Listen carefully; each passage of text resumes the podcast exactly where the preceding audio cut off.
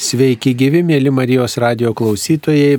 Pradedame laidą Biblijos liepiniai, kurioje tęsėme patarlių knygos komentarą, gilinamės į patarlių knygos komentarus, patarlės svarstome ir šioje laidoje dalyvauja Vytauto didžiojo universiteto docentas Paulius Čerka. Sveiki gyvi. Sveiki. Taigi, mėly klausytojai, kartu atsiverskime patarlių knygos 14 skyrių, kurį sudaro 35 eilutės, galima sakyti, galbūt ir maždaug tiek yra ir patarlių, 35 patarlės. Jos kai kada atkartoja panašią mintį, kai kada visiškai naują siūlo. Iš esmės šitas skirelis yra apie kvailą ir gudrų žmogų, apie tą išmintingą žmogų ir tą, kuriam trūksta išminties ir kuris yra pats savo priešas, jeigu taip galima pasakyti. 14 skyriaus pirmoje eilutėje sugretinamos dvi moterys. Išmintinga moteris statosi namus, o kvailoji savuosius nugriauna savo rankomis. Išmintinga stato, o kvailoji greuna. Kodėl taip supriešinamos tos dvi moterys? Ar pagal jų darbus sprendžiama apie jų išmintį ir kvailumą. Taip, turbūt ir jų veikimas geriausiai išreiškia jų turinį, bet mes su moteris ir išminties to palyginimo susidūrėme juk ne vieną kartą ir pirmus devynis skyrius, kuomet gilinomės jau tiesiogiai apie pačią išmintį, nekartą matėme, kad jie yra vaizduojama tarytum moteris ir tarytum moteris, kuri vėlgi ruošia puotą, kviečia svečius, stato namus ir mes matėme, kad tuo yra išreiškiamas Dievo kūrybos veikimas, Dievas kurdamas pasaulį, išreiškia savo išmintį, tarytum pastatydamas namus. Matydami namus mes matome taip pat tam tikrą protingumą juose įdėtą. Ir šiuo atveju vėl mes sutinkame išminti pavaizduotą kaip moterį ir jos antipodą, kvailystę taip pat pastatyta kaip moterį štai čia yra moteris, kuri stato namus. Na, pirmiausia, šiek tiek galim pasvarstyti, kad tiesiogiai retai moteris kada dirba statybose. Dažniau vyras yra tas, kuris statytų namus. Moteris dalyvauja namų kūrime šiek tiek kitaip. Ji dalyvauja planuodama jos labiau estetinę dalį besirūpindama, padėdama vyrui, jį įkvėpdama namų statybai.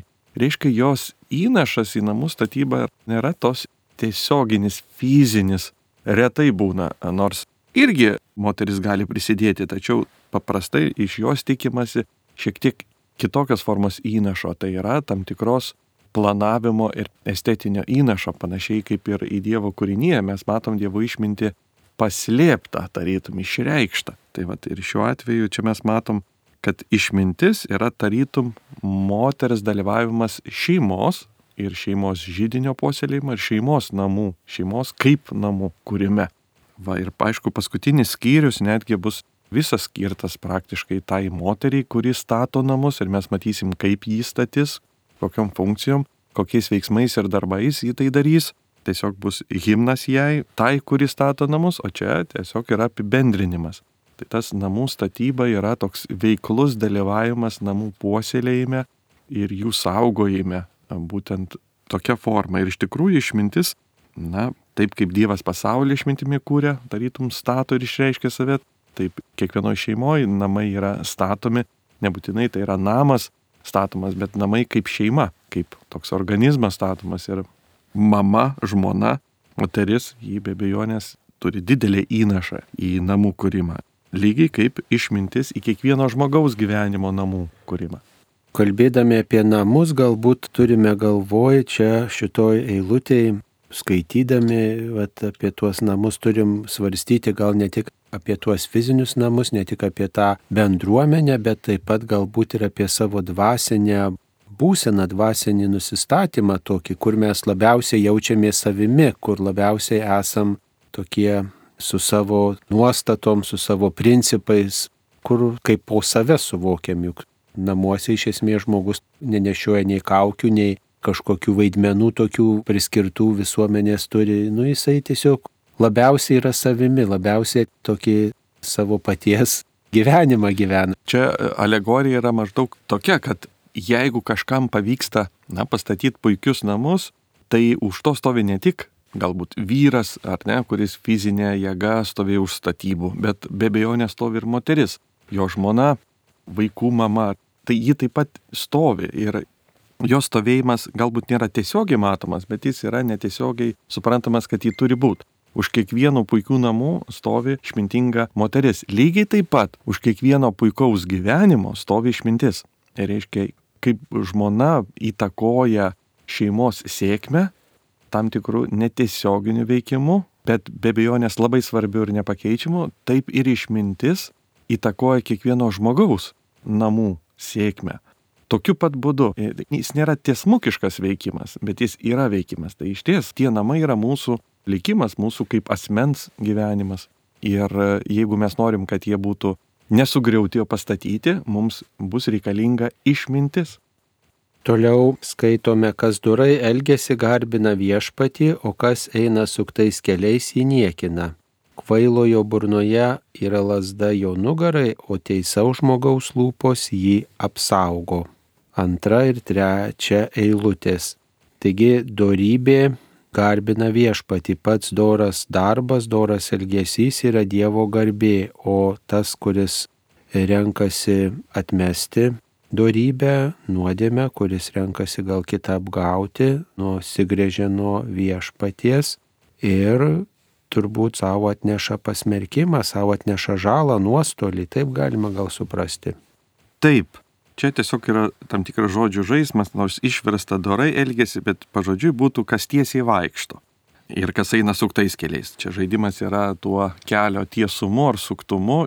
Ir lygiai taip pat ir lietuviškam supratime mes kartais kalbam apie kreivus kelius arba išsukimą iš kelio.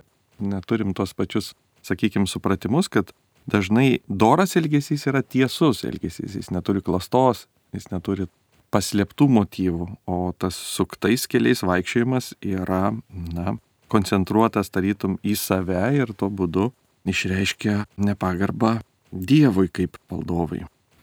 Taip, ketvirta eilutė, kur nėra jaučių, ten tuščios ėdžios, gausi pjūtis ten, kur stiprus jautis.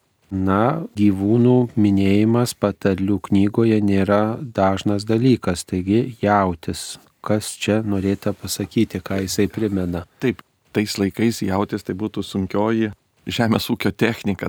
Jeigu asiliukas būtų, sakykime, automobilio, krovininio automobilio palyginimas, tai jautis, tai būtų mūsų traktorius. traktorius, kombainas, kuris iš tikrųjų yra jau apdirbti laukams skirtas.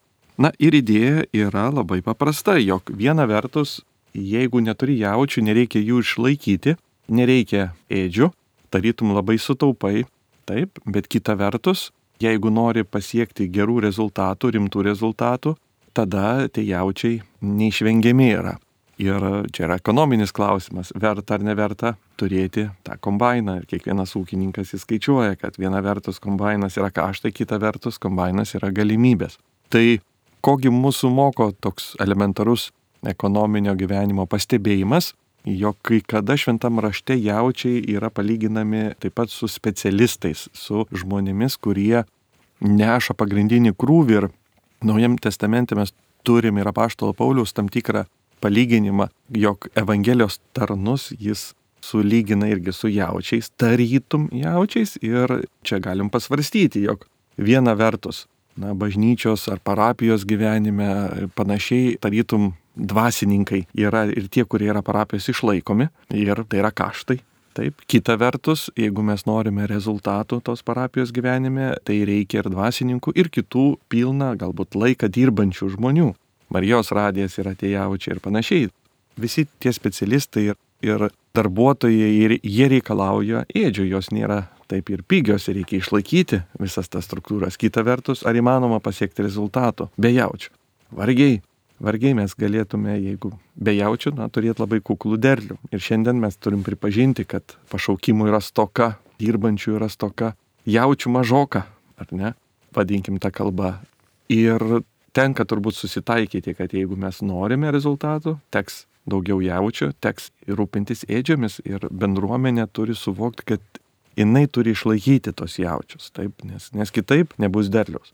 Jeigu ūkininkas bus kvailas, jeigu jis manys, kad jis gali ir be jaučių gyventi, bet naiviai tikėtis, kad bus didelis derlius. Taip nebus, jeigu mes norim rezultato dvasiniam gyvenime, nu, kad ir Lietuvos žemėje, mums teks tiek dvasininkų, tiek kitų, sakykime, savo na, gyvenimą skiriančių šitai veiklai kaip jaučių, bet mes kaip visuomenė ir bendruomenė turim ryštis juos išlaikyti tam, kad būtų didesnis derlius.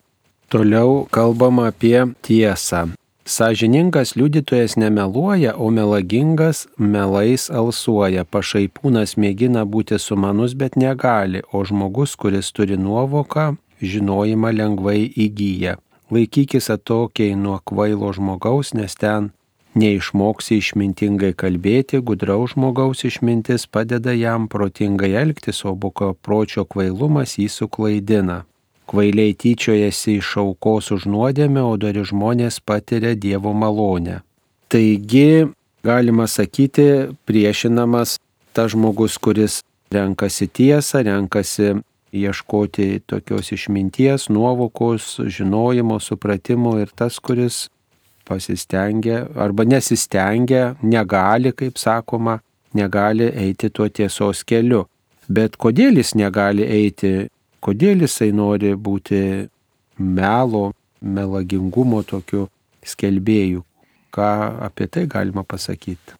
Na, sudėtinga mums ištirti, aišku, savo motivaciją, kiekvieno žmogaus motivaciją, bet galbūt per šias patalės mes galim permastyti tiek save, pažiūrėti iš šalies ir galbūt keisti tą motivaciją, mokintis. Štai sutinkam tą sąžiningą liudytoją, kuris nemeluoja. Ir idėja yra tokia, kad žmonės, liudytojai ne tik teisme yra liudytojai, yra iš principo gyvenime, kuriais mes pasitikime. Mes pasitikime jų išvadomis, jų išvalgomis, jų ekspertinę nuomonę, jų pasakojimu. Ir neįmanoma gyventi, jeigu tu nieko nepasitikėtum. Pasaulio tikrovę mes pažįstame jūslėmis ir savo mąstymu, protu, tačiau ne vien jais. Mums tenka dalį informacijos gauti būtent dėka pasitikėjimo tais, kurie liūdija. Šiuo atveju Mes, pavyzdžiui, tikime, kad egzistuoja molekulės, atomai ir tam tikra materijos struktūra, nors patys greičiausiai dauguma klausytojų na, netliko tiesiogiai tyrimo. Mes tikime tais, kurie atliko. Va, ir netgi mes galim pasakyti, tikime, kad Žemė sukasi aplink Saulę, kad Žemė nėra plokščia. Daugelį dalykų, kurių tiesiogiai nesame savo jūslėmis patyrę, kažkurie galbūt savo jau protu yra prie tų išvadų, bet daugumą turbūt mes pasitikime patikimais liudytojais. Ir šiuo atveju tai yra visiškai normalu, kad mes turime pasitikėti, ne tik vaikai pasitikė tėvais, bet ir suaugę žmonės pasitikė tais liudytojais. Ir tai ir yra tikėjimo esmė. Tikėjimo esmė yra pasitikėjimas kažkuo kito liūdėjimu, kitų asmeniu, gerbimas jo nuomonės, pripažinimas jo. Ir jeigu mes paklaustume, o kas yra tas religinis tikėjimas, kokia jo esmė yra ta pati, tai yra pasitikėjimas Dievo liūdėjimu apie jį. Dievas taip pat paliūdėjo save ir mes sureaguojame į tą liūdimą tikėjimu, mes tikime to asmeniu, jog tai, kai jis kalba, yra tiesa. Tai šiuo atveju, kai mes kalbam apie tą sąžiningą liudytoją, mes galim suprasti, kad Dievas yra tarytum tas liudytojas, kuriuo mes pasitikime. Tai šitos eilutės galima suprasti ir tuo būdu, kad mūsų paprastam žemiškam, pavadinkim, gyvenime pasitikėjimas žmonėmis yra kažkuo panašus į pasitikėjimą Dievu. Taip, tolesnėse eilutėse nuo 10 ir toliau iki 14 kalbama apie žmogaus širdį. Vien širdis pažįsta savo kartumą ir joks pašalietis jos džiaugsmu negali dalytis, nedorėlių namai sunaikinami, o teisiųjų palapinė klesti. Žmogui kelias gali atrodyti teisingas, bet galų gale jis nuveda į mirtį. Net kai žmogus juokiasi, jam širdį gali skaudėti, o džiaugsmas gali baigtis širdgėla. Sukto širdie žmogus gauna, ką elgesiu užsitarnauja, o dosnus žmogus pjauna savo gerus darbus. Taigi akivaizdu, kad širdis nėra tik tai tas mūsų kūno organas, bet ta būsena, tas išgyvenimas viduje, kurį mes turime ir kai apsisprendžiame už vieną ar kitą dalyką savo kelyje. Taip, čia galim pasvarstyti štai dešimtojo lūtėj apie širdį, kuri pažįsta skausmą, tačiau sakoma, kad jį viena tokiu atveju patirs ir džiaugsmą. Ir va tas reikalavimas, kad tikrą džiaugsmą suvokia ar patiria, išgyvena tik tas, kuris yra autentiškai išgyvenęs iššūkius ir skausmus. Niekas taip nesidžiaugia pergalę, kaip tas sportininkas, kuris prieš tai įdėjo labai daug prakaitoje ir ruoždamasis tos skausmo patyręs, būtent jam jinai tampa labai saldi.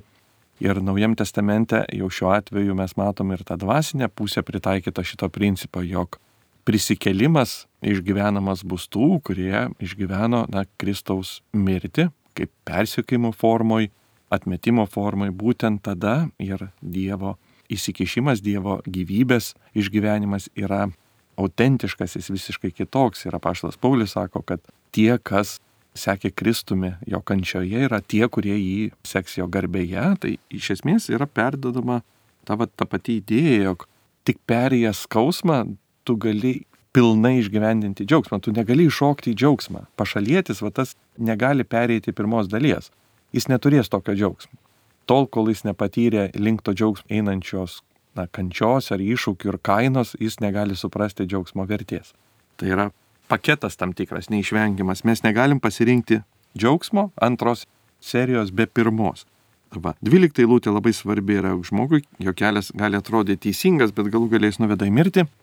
Yra labai įspėjantis dalykas ir čia psichologija mums tikrai gali padėti, sakydama, kad mums patiems labai sunku save įvertinti iš šalies. Taip, iš tikrųjų, akis negali pažiūrėti save ir be veidrodžio na, mes niekada nematytume savęs. Arba mums būtų reikalinga kitų žmonių apibūdinimas, kaip mes atrodome. Ir šiuo atveju dažniausiai mes nematome savo trūkumų. Juos pamatyti mes galime tik kitų pagalba. Ir dėl to yra labai pavojinga atsižvelgti tik į savo mąstymą. Ir jeigu tai galioja ekonominiam gyvenime, socialiniam gyvenime, tuo labiau tai galioja ir dvasiniam gyvenime. Na ir 13 eilutė. Būna, kad žmogus juokiasi, o jam vėliau skaudė širdį ir atvirkščiai, džiaugsmas gali baigtis širgelą.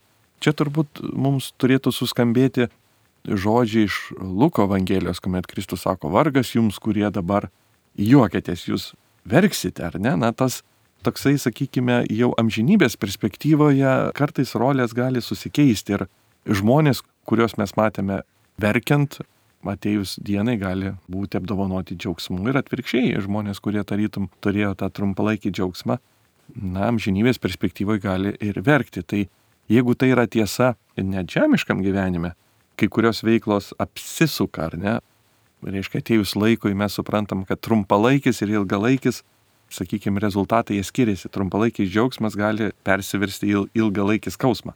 Tai tas galioja trumpalaikis ir ilgalaikis ir amžinybė perspektyva lygiai taip pat, kad visas mūsų gyvenimas tampa to trumpalaikiu, kuris gali išvirsti į visiškai priešingą rezultatą amžinybę kaip ilgalaikiu. Tai čia yra patarlė, kuri mus moko žiūrėti į ilgalaikius rezultatus ir perspektyvas ir niekada nepasirinkti veikimo tik pagal trumpalaikį efektą. Jeigu tai galioja ekonominiam gyvenime ar socialiniam gyvenime, politiniam gyvenime, tai tuo labiau tai turi galioti ir nu, amžinybės perspektyvoje.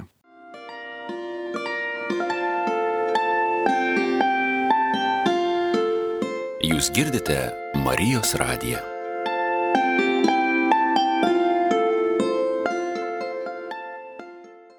Nuo 15 eilutės ir toliau skaitome. Neišmanėlis tiki viskuo, ką girdi, o gudrus žmogus apsvarsto savo žingsnius.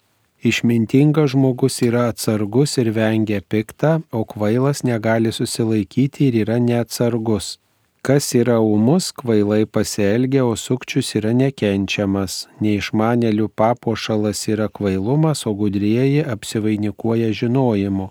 Blogi žmonės turi nusilenkti geriesiems, o nedoreliai prie teisiųjų vartų. Taigi gudrus žmogus varsto, svarsto savo žingsnius, vertina ne tik tai aklai priima, bet, na, svarsto, vertina tai, ką sukaupė.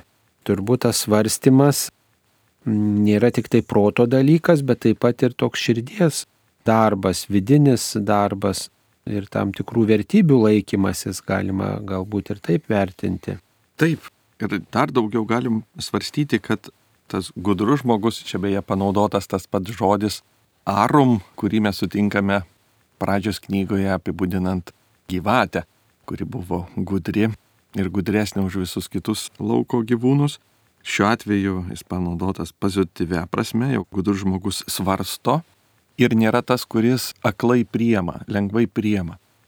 Labai dažnai stereotipiškai yra tikėjimas vaizduojamas kaip toks aklas tikėjimas, keistų dalykų, jog žmogus nemastantis, neturi jokio kritinio mąstymo, jis tiesiog aklai priema keistus dalykus, jais įsitikina ir dažnai toks yra, na, karikatūriškas tikinčiojo paveikslas, bet tikras tikėjimas yra tas, kuris svarsto, jis turi tam tikrą metodinę, tai pavadinkim, abejonę, jis nepriema, jog jam viskas yra aišku, jis kelia klausimus, jis nepasitenkina esamais atsakymais ir tiek šventasis Augustinas, tiek kiti mąstytojai dažnai išreikšdavo tą mintį tokia tikiu, kad pažinčiau arba kad suprasčiau, pažįstu, kad tikėčiau, ta kelionė jinai judina ieškoti gilesnių atsakymų. Ir iš tikrųjų vaisių mes turime labai puikių visą viduramžių filosofiją. Ir toliau esantis mąstymas jis buvo keliamas dažniausiai tikinčių žmonių siekiančių giliau suprasti, svarstyti, nepasitenkinti paprastais arba iki šiol turimais atsakymais. Tai būtent tas apsvarstymas savo žingsnių, bandymas suprasti, o kodėl taip yra. Ne tik išmokti taisyklę, bet suprasti, o kodėl jinai yra tokia, yra tikro tikinčio ar tikros išminties kelias. Ne tik gauti žuvies, bet išmokti, svarbiausia, žuvauti, naudotis meškerę, nes vat, būtent toks požiūris į gyvenimą. Dievas turbūt irgi nenori duoti žmogui tiesiog žuvį, jis nori duoti meškerę, kad žmogus išmoktų ją naudotis ir suprastų, o kaipgi reikia tą žuvį pasigauti pačiam. Tai vat, būtent apsvarsto savo žingsnius reiškia siekia suprasti, kodėl kas įvyksta. Siekia suprasti reiškinių esmę, o ne pasitenkinti aklų, primityvių įsitikinimų arba tikėjimų. Nuo 20 eilutės ir toliau 14 patarlių knygos skyriuje šmėžuoja turto motyvas, kuris turbūt daugelio žmonių širdis paliečia, nes vis tiek mes vienai par kitaip gyvenime neapseiname be santykio su turtu. Be turčio nemėgsta net jo artimieji, o turtuolis turi daug bičiulių. Kas niekina savo artimą nusideda, o gerą darantis vargšų yra laiminamas. Argi neklysta darantis piktą? Gerumo ir ištikimybės įgyja darantis gerą. Kiekvienas triūsas duoda naudos, o vien plepėjimas veda į skurdą. Išmintingųjų vainikas jų sumanumas, o kvailiųjų girlianda kvailumas. Teisingas liudytojas išgelbsti gyvasti, o kas liudyja melus, skleidžia apgaulę. Taigi tokios švento rašto mintis iš 14 skyriaus nuo 20 iki 25 eilutės. Kaip čia yra, kad turtuolis turi daug bičiulių, o be turčio nemėgsta net jo artimieji, tiesiog vertinama žmogus ne pats, o jo sukauptos gerybės, taip išeitų. Argi ne taip? Argi ne taip? Šiuo atveju mes turim konstatavimą tikrovės ir pati patarlė nesako, ar tai yra gerai ar blogai, jis sako, taip yra. Ir aš manau, kad sunku ginčytis. Iš tikrųjų, na, žmogus, kuris turi daug turto, daug išmonės, ne tik materialaus turto ar, ar kažkokio kitokio turto, dažniausiai jis turi ir daug draugų, su juo gerai yra draugauti, yra daug žmonių, kurie nori su juo turėti reikalų Na ir natūraliai jis yra apsupimas draugų. Ką tu norėtų pasakyti šitom eilutėm? Problema yra štai tokia, kad jeigu jūs esate turtingas žmogus, kaip jums susirasti tikrą draugą? Nudalinti savo turtu? E, tai duoto atveju paaiškės, kad jūsų draugai yra dėl jūsų turto. Štai kur yra esmė, kad kadangi jūs esate turtingas, jūsgi nenorite, kad dėl jūsų turto jūs turėtumėte draugų. Kaip padaryti? Kaip įsiaiškinti, ar su manim draugauja tik dėl mano turto, ar dėl manęs? tikra draugystė juk negali būti dėl to, ką aš turiu, draugystė yra dėl to, kas aš esu. Tai šiuo atveju uždavinys ar iššūkis būna iš tikrųjų labai turtingiams žmonėms arba jų šeimoms, kaip surasti, sakykime, atžalai nuotaką ar ne, kad jinai būtų autentiška meilė ne dėl pinigų, o dėl asmens. Ir karališkom šeimom būna tas iššūkis, kaip patikrinti, kad žmogus bendrauja su tavim ne dėl tavo padėties ar galimybė, o iš tikrųjų myli tave dėl to, kas tu esi. Nėra taip paprasta. Nėra taip paprasta. Ir suprantam tokį dalyką, kad jeigu žmogus yra vargšas, tai jeigu jis turi draugą, tai jis yra tikrai tikras draugas. Tokiu atveju kito būdo nėra, kito paaiškinimo nėra. Ir įsivaizduokit, kokioj padėtyje yra Dievas. Juk Dievas yra labai turtingas. kaip jam įsiaiškinti, kad jo draugai yra tikri. Kaip jam žinoti, kad žmogus jo tiki ne todėl, kad Dievas gali duoti, parūpinti, palaiminti, bet todėl, kad yra ta draugystė tikra ir autentiška. Jam turbūt reikia ateiti kaip vargšui, nes tik tada paaiškės, kas yra tikra. Ir šiuo atveju panašu, kad Evangelijose mes matom Dievą tapusi vargšu. Ir tada kas įvyksta, kad jo giminaičiai Izraelio tauta jį atstumė kaip vargšą. Ir jį pasirenka kiti vargšai. Jie atranda, jie to galilėje žvėjai. Ir kažkuria prasme jis galėjo ateiti savo galioje, savo, sakykime, visame pajėgume ir nieko nuostabaus nebūtų, kad visas pasaulis, matydamas jo turtą ir galę, būtų jį pasiekęs. Bet tokiu atveju tai nebūtų tikra draugystė. Taip turtingas būtų turėjęs daug draugų, bet greičiausiai tai turtas būtų to priežastis. Ir štai yra ta dilema, apie kurią kalba šį patarlę. Su ją susidarė turtingos šeimos. Kaip rasti tikrų draugų, kaip atskirti, ar draugystė yra dėl turto. Tai šiuo atveju kartais yra daromas tam tikros apsimetinėjimas, taip, būna kartais, kad žmogus slepia, kad turi, tam, kad įsiaiškintų, kad tas santykis yra ne dėl to, iš tikrųjų yra. Vienas iš būdų. Vienas iš būdų yra apsimesti šiek tiek ne to, kas tu esi, tam, kad patikrinti to santykio tikrumą. Ir tą patį padarė Dievas.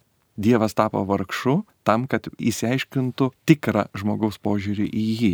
Nes dažnai mes sakome, jeigu Dievas yra, tai jisgi galėtų pasirodyti visų savo gale, kokiu nors ten įtikinamu ženklu ir jėga, stebuklingąją. Taip jis tai galėtų padaryti. Bet ar mūsų reakcija į tokią galę, ar jinai parodytų mūsų autentišką, na, meilę ir draugystę? Ne, jinai tiesiog išreikštų tiesiog praktiškumą, kad reikia turėti gerus santykius su to, kuris galingas. Tokiu atveju matom, kad šita eilutė mums parodo ir paties Dievo problemą, iššūkį ir jis ją sprendė tapdamas vargšu. Aš pakomentuočiau šį iššūkį taip. Tai čia reikia turbūt sumanumo, va 24 eilutėje labai apibūdinta gražiai, kas laukia to išmintingo žmogaus. Išmintingųjų vainikas jų sumanumas, o kvailiųjų gelenda kvailumas.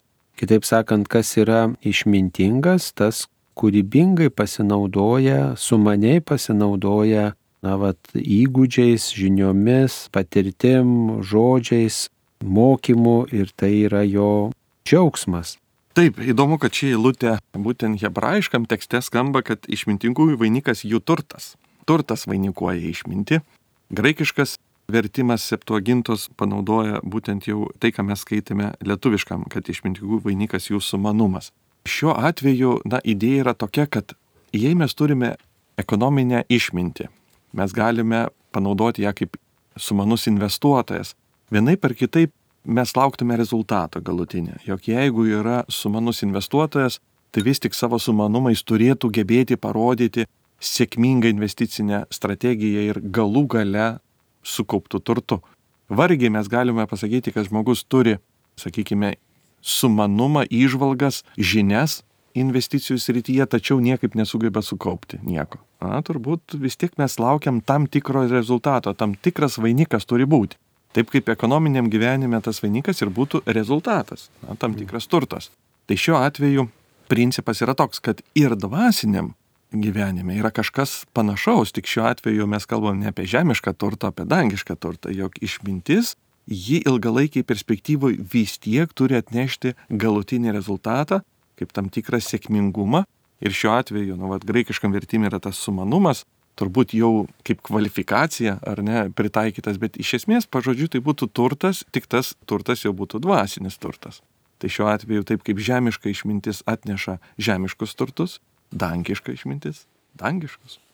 26 ir 27 eilutėje šmėžuoja patalių knygoje dažna mintis apie pagarbę viešpaties baimę tiesiog padeda mums suprasti, kokie tos pagarbios viešpaties baimės vaisiai.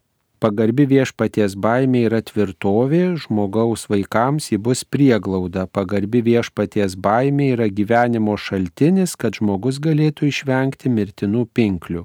Taigi kaip ta viešpaties baimė gali būti prieglauda, saugi vieta ir kaip tai gali teikti gyvenimą.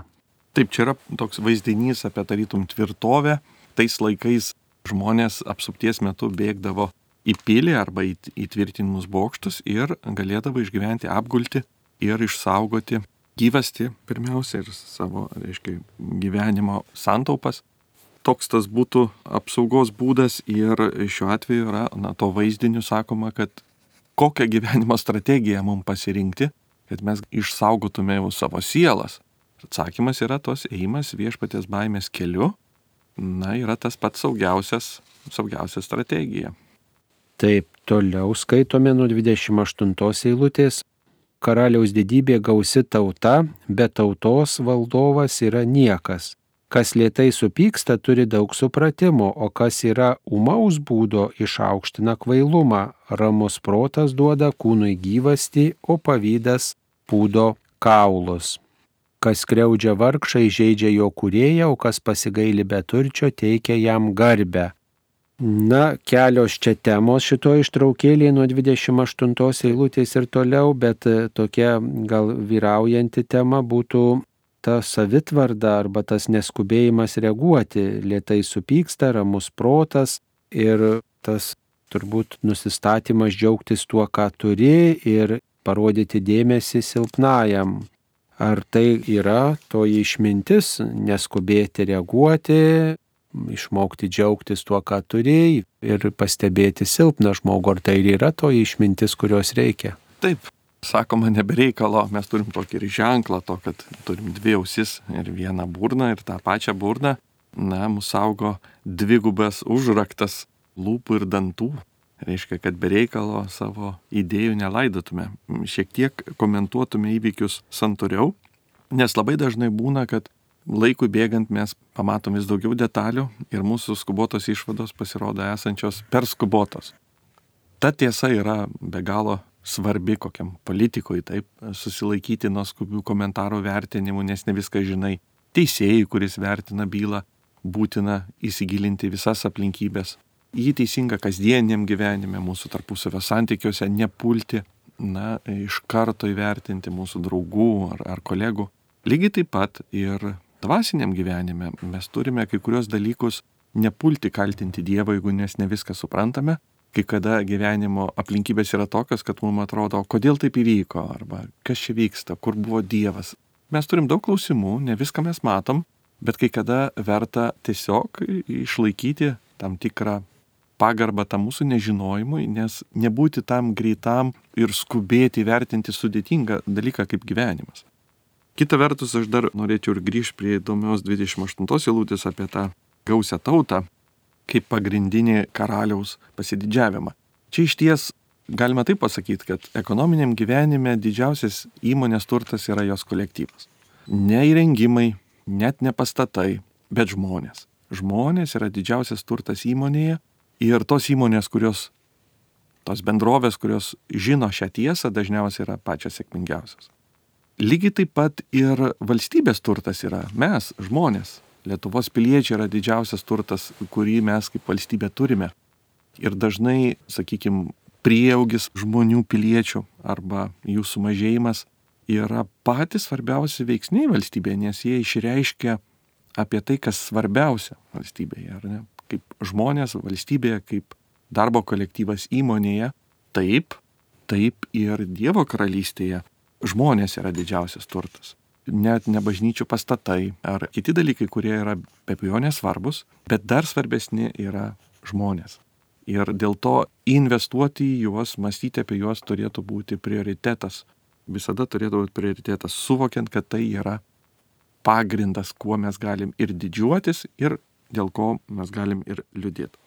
Nuo 32 eilutės iki skyriaus pabaigos 35 eilutės skaitome, nedoras žmogus pražūva per savo nedorumą, o teisusis yra saugus dėl savo dorumo. Išmintis ilsisi protingo žmogaus širdyje, bet kvailieji jos nepažįsta.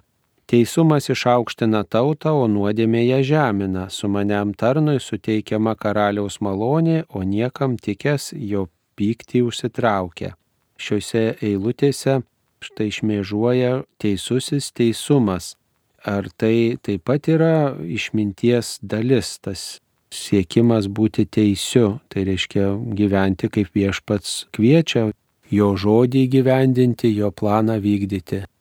Taip, ir čia turim tos, sakykime, tam tikras irgi alegorijas. Šiuo atveju alegorijos yra tarp tarno ir karaliaus. Ir įdomu, kad tas santykis yra kažkuo panašus į žmogaus ir Dievo santyki. Ir yra paskutinė eilutė su maniam tarnui suteikiama karaliaus malonė, rodo, kad malonė nėra taškoma atsitiktinai. Ji yra neusitarnauta, nes kitaip jinai nebūtų malonė, bet kita vertus jinai yra suteikiama ne kiekvienam, o tam, kuris yra tas sumanus išmintingas tarnas. Priešingai, niekam tikęs tarnas užsitraukia jo pyktį, o ne malonę. Tai šiuo atveju mes suprantam, kad ypatingai ir iš Evangelijos palyginimų apie tai, kad dažniausiai ten toks irgi būna karalius arba kitas žmogus palikęs kažkokias uždavinius tarnams, kuriam laikui grįžta, su jais atsiskaito ir apdovanoja vienus tarnus, kitus priešingai, na, sakykime, nubaudžia. Ir šiuo atveju tai yra perteikime, kad ir mes savo gyvenime turim suprasti, kad radę Dievo malonę, mes ją galime priešingai ir prarasti, jeigu būsim niekam tikė tarnai, arba padauginti, jeigu būsim sumanus tarnai. Šiuo atveju malonė viena vertus jinai yra neusitarnauta, bet neturėtume suprasti taip, kad jinai yra atsitiktinė. Taškoma visiškai karaliaus laisva nuožiūra be jokios priežasties. Ne, jisai ją suteikia tam, kam jam yra gražu. Tai, kas nudžiugina jį ir tas sumanus tarnas, sakykime, na, jam net gerai ir apdovanot. Pavyzdžiui, Britanijai teko girdėti yra toks vat paprotys dažnai žmogus savo tarnams palieka testamentu pakankamai didelę dalį savo turto. Apart to, kad jis atsiskaito už jų darbą, suprantama, dar ir apdovanoja vat, būtent tą malonę, jeigu tie tarnai jam patiko, jeigu jis įvertina bendrai visą tą gyvenimą. Jis nėra skolingas jam palikti testamentų dalį, bet kažkaip tai jam yra gera jos palikti. Tai čia šiuo atveju ir šiais laikais yra tam tikras tos malonės apdovanojimas žmonių santykiuose, tuo labiau Dievo ir žmogaus santykiai. Mėly Marijos radio klausytojai, šioje laidoje Vytauto didžiojo universiteto docentas Paulius Čerkas varstė patalių knygos 14 skyriaus prasmes, tegul kiekvieno mūsų širdį būna tas troškimas vengti nuodėmės, svarstyti tai, ką patiriame ir kad neskubėtume vertinti, smerkti, niekinti kitų ir kauptume turtą, kuris ne tik būtų materialus, bet būtų dvasinis turtas ilgai tveriantis ir kuris pasitarnautų ne tik mums, bet ir tiems, kuriuos savo kelyje sutinkame. Ačiū visiems, linkime nepristikti gyvenime išminties. Ačiū sudė. Sudė.